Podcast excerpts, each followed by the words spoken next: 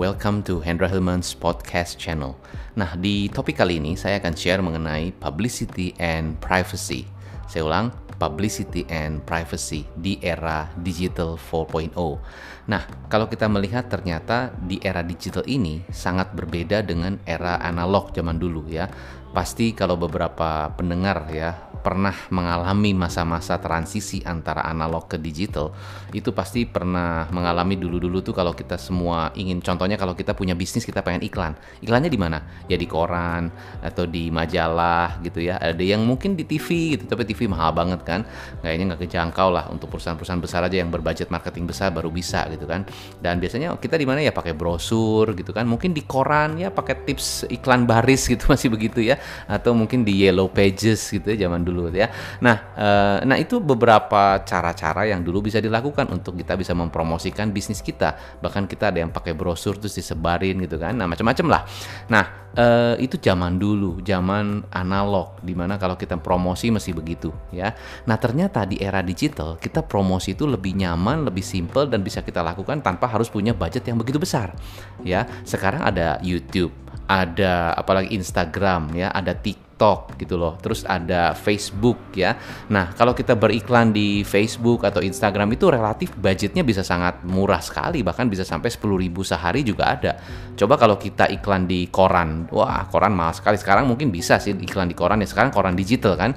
Nah, beberapa koran digital juga mereka menawarkan beberapa spot-spot iklan gitu, banner iklan digital yang bisa kita pasang juga dan mungkin harganya relatively lebih murah daripada waktu kita zaman-zaman analog gitu loh.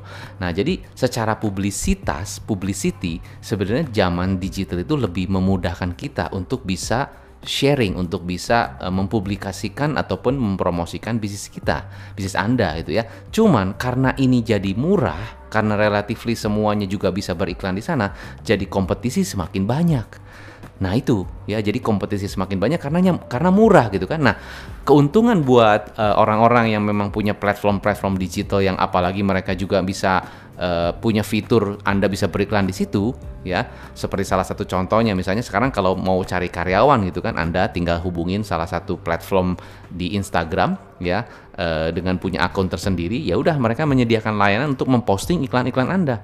Itu kan relatively mereka mendapatkan income dari um, iklan-iklan Anda ya itu. Jadi ini salah satu contoh. Jadi intinya apa? Intinya adalah orang-orang yang menggunakan platform atau memanfaatkan digital ini menjadi bisnis ya. Anda juga bisa menjadi penyedia untuk orang-orang yang beriklan di sana dengan Anda ha memberikan harga yang re relatively murah gitu ya dibandingkan dengan kalau orang-orang ingin beriklan di media-media yang lebih mahal gitu loh. Nah, banyak karena banyak orang punya kebutuhan untuk mempromosikan bisnisnya atau mempublikasikan bisnisnya gitu loh ya. Jadi zaman sekarang tentunya lebih lebih lebih simple, lebih nyaman ya. Tapi konsekuensinya ataupun um, apa yang yang terjadi adalah kompetisi semakin banyak. Jadi kalau iklan Anda nggak bener-bener kena, iklan Anda cuma asal informasi aja, udah pasti akan um, terlewat begitu ya. Dan customer mungkin belum tentu bisa melihat iklan Anda. Lain waktu kita punya yellow pages zaman dulu ya udah misalnya di halaman uh, rental car gitu ya anda masuk di situ ya mungkin ada yang lihat juga walaupun mungkin nggak segede apa tapi minimal orang lihat gitu loh kalau sekarang ya banyak sekali kan kompetitornya benar-benar banyak banget jadi anda belum tentu bisa bisa bisa terlihat iklannya karena begitu banyak sekali kompetitor dan semuanya main digital Nah itu ya salah satu. Jadi tapi pertanyaannya adalah apakah kita harus bagaimana apa langkah kita? Apakah kita harus um, ya ngikutin aja atau ya pokoknya kita asal punya iklan atau enggak? Nah intinya challenge-nya adalah kalau Anda ingin beriklan di digital, Anda jangan cuma asal-asal iklan saran saya. Kenapa? Karena semua orang pun, semua bisnis pun, kompetitor Anda pun beriklannya semuanya di digital. Jadi kalau Anda pasang iklan yang sama-sama aja dan standar-standar aja, bagaimana Anda bisa mendapatkan atensi dari customer? Jadi buatlah iklan yang betul-betul beda ya, ya sesuatu yang bisa jadi viral ya yang nyeleneh juga bisa gitu kan. Karena banyak orang yang mungkin bisa jadi nyeleneh gitu anti marketing disebutnya gitu kan. Jadi sesuatu yang nyeleneh banget yang yang beda gitu kan. Misalnya begitu. Jadi bahkan yang negatif pun bisa jadi viral. Nah itulah yang orang cari kadang-kadang gitu kan. Gara-gara gara-gara negatif. Misalnya ada salah satu berita mengenai petinju ini ternyata sebelum dia bertanding dengan petinju itu, wah di acara press conference itu ribut besar dan hampir pukul-pukulan. Itu kan jadi berita Nah, padahal sebetulnya itu adalah strategi publikasi. Nah, karena semua media, semua TV channel ya dan semua platform-platform sosial media yang juga mengupload itu dan semuanya dan semua fokus ke sana, jadi berita itu menjadi sangat viral. Nah, gara-gara viral tersebut maka brandingnya orang-orang itu atau tadi petinju-petinju jadi naik, gitu kan? Dan orang jadi ratingnya tinggi gara-gara ada publikasi negatif. Nah, jadi intinya apa? Bisa jadi kalau iklan Anda cuma lurus-lurus aja, orang nggak lihat. Orang itu ya kalau kita lihat perilaku ya kita lihat sendiri ya perilaku orang-orang itu kalau melihat iklan atau melihat berita dia cari berita-berita yang bagus yang yang unik yang baru yang belum pernah ada mungkin gitu ya atau sesuatu yang heboh shocking atau sesuatu yang benar-benar negatif banget atau yang benar-benar wah me, me, me, apa ya membuat orang tuh jadi wow atau gimana atau mungkin shocking gimana nah itu itu jadi viral jadi kalau menurut saya secara publisitas jangan cuma yang lurus-lurus gitu ya. Nah, coach coach ngomong begini coach sendiri punya iklannya viral apa enggak gitu ya. Coach sendiri punya publisitasnya viral apa enggak gitu. Kita bisa aja kita bicara. Nah dari sisi sini saya juga sebagai bisnis coach saya juga tentunya belajar terus bagaimana caranya kita supaya bisa memberikan sesuatu yang lebih viral. Tapi intinya ya saya pernah ya pernah menjalin. Tentunya kalau saya nggak nggak pernah menjalani nggak mungkin saya bisa ngomong seperti ini ya. Intinya pernahnya gimana? Saya pernah membantu salah satu klien saya uh, dia dental clinic basically ya. Dia bikin satu viral acara gitu loh. Maksudnya gimana? Ya waktu itu saya coach ya.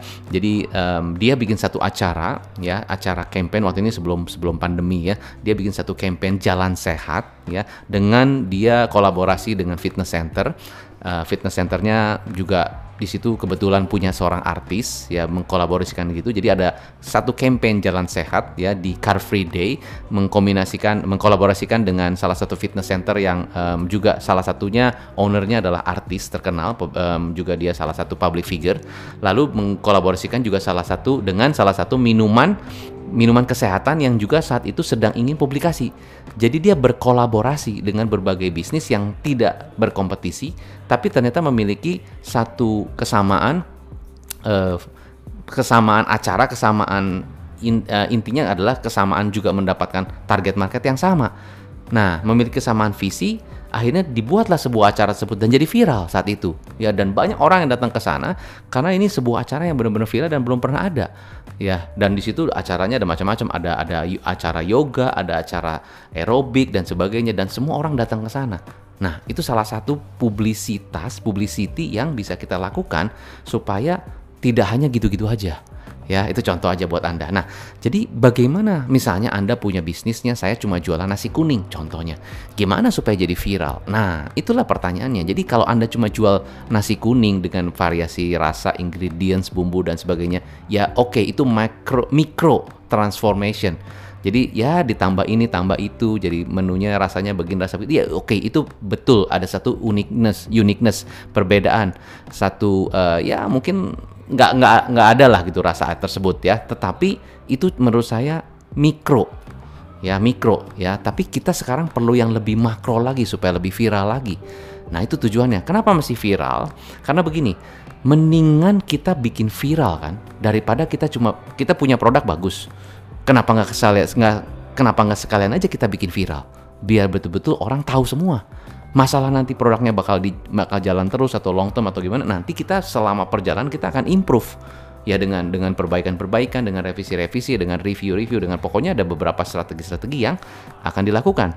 Tapi pada saat awal kalau kita anda mau benar-benar launching produk benar yang benar-benar baru kenapa nggak sekalian yang bikin viral sekalian ya jadi jangan cuman asal produk begitu asal launch begitu aja karena kita bicara publisitas publicity ya.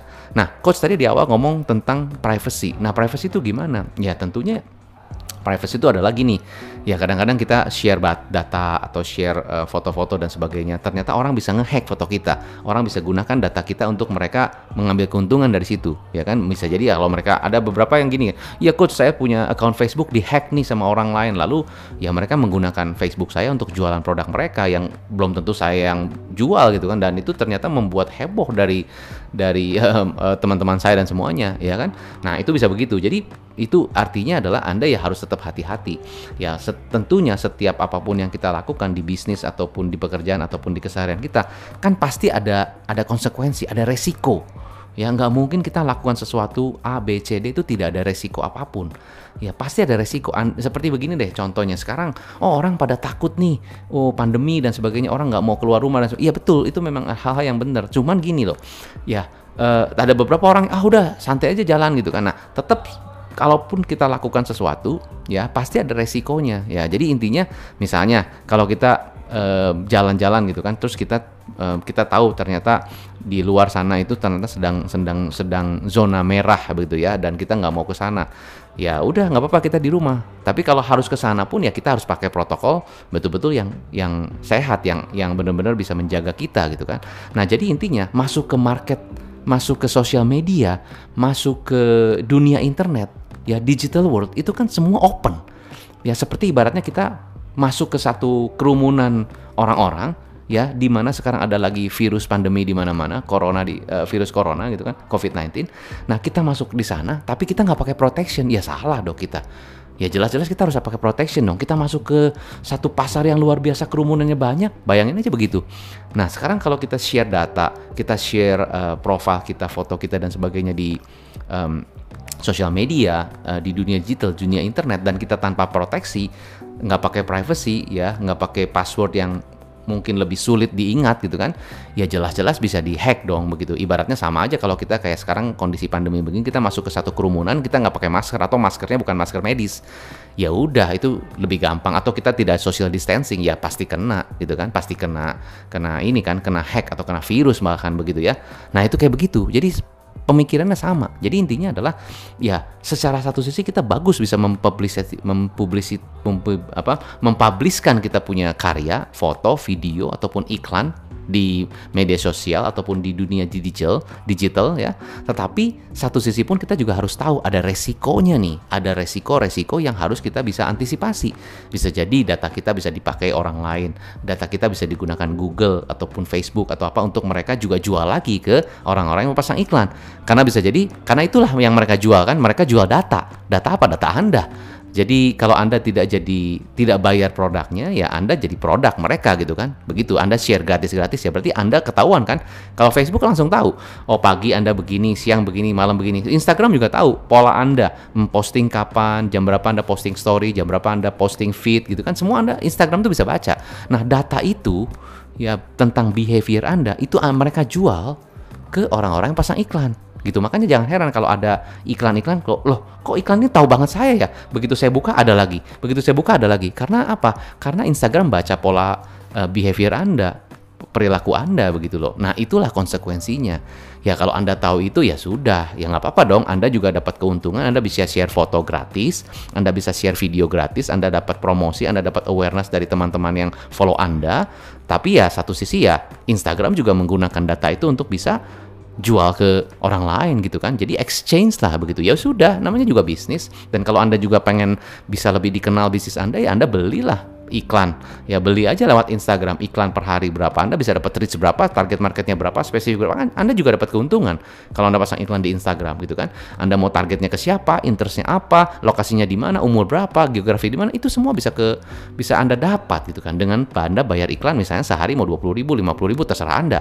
Tapi basically itulah exchange. Jadi menurut saya ya kita harus balik lagi ya bagaimana kita melihat ini menjadi satu uh, hal yang bisa jadi Anda melihatnya menjadi satu hal yang positif atau bisa jadi negatif. Ada orang yang wah takut ini, takut ini, takut ke, ke hack lah segala macam. Ya sudah, jangan hidup di zaman digital saran saya. Ya semua sekarang udah digital gitu. Kalau kita nggak mau share ini share itu ya udah kita balik lagi ke manual gitu kan. Tapi semua pilihan anda balik lagi ke anda gitu kan ya. Di zaman di dam, di, da, di zaman digital ya sorry nih ngomongnya ke pleset itu ya saking semangatnya. Di zaman digital ya tentunya kita lebih dimudahkan untuk sharing untuk sharing data sharing foto sharing video gitu kan. Bahkan bisa iklan ya. Ya bisa jadi gratis hanya menggunakan data ya. Tapi konsekuensinya adalah ya apa yang kita share itu ternyata itu bukan punya kita. Bisa jadi punya Instagram atau punya Facebook yang mereka bisa gunakan data itu untuk bisa mereka jual untuk orang-orang yang pasang iklan. Ya sudah, fair-fair begitu saja. Selama Anda masih untung, Anda tidak diru Nah, supaya Anda tidak dirugikan, Anda tidak terkena hack, ya Anda harus ikutin aturan-aturan protokol kesehatan, protokol-protokol yang bisa me melindungi Anda dari dari um, hack tersebut ya. Salah satunya ya pakailah two factor authentication Salah satunya begitu. Atau Anda rutin-rutin lah ganti password dan passwordnya jangan tanggal lahir itu ya gampang banget ditebak gitu kan. Nah, jadi cari password-password yang lebih sulit dan sebagainya ya. Dan Anda jangan langsung share kalau memang Anda tidak kenal um, aplikasi tersebut ya. Nah, itu dia. Anda lihat reviewnya, Anda lihat dulu bagaimana perusahaan ini. Jadi kita juga harus bijak lah. Intinya begitu aja. So, kesimpulan buat Anda adalah publicity and privacy itu adalah hal yang saat ini kita alami ya tergantung bagaimana Anda menyingkapi ini dan bagaimana Anda merespons terhadap kondisi seperti ini ya. Tapi ujungnya kalau itu benefit buat Anda dan Anda harusnya bisa memanfaatkan ini menjadi satu um, strategi bisnis Anda karena kalau Anda bisa promosi benar-benar bisa dengan bagus banget. Wow, berapa banyak pasang mata yang akan bisa melihat Anda. Salah satunya YouTube, salah satunya podcast juga kan. Berapa banyak orang yang menggunakan podcast ini bisa dengerin ini. Oke. Okay? So, Semoga bisa bermanfaat apa yang saya bagikan di top podcast hari ini dan semoga Anda bisa semakin sukses menjalankan bisnis Anda. Saya Coach Hendra Hilman, salam pengusaha.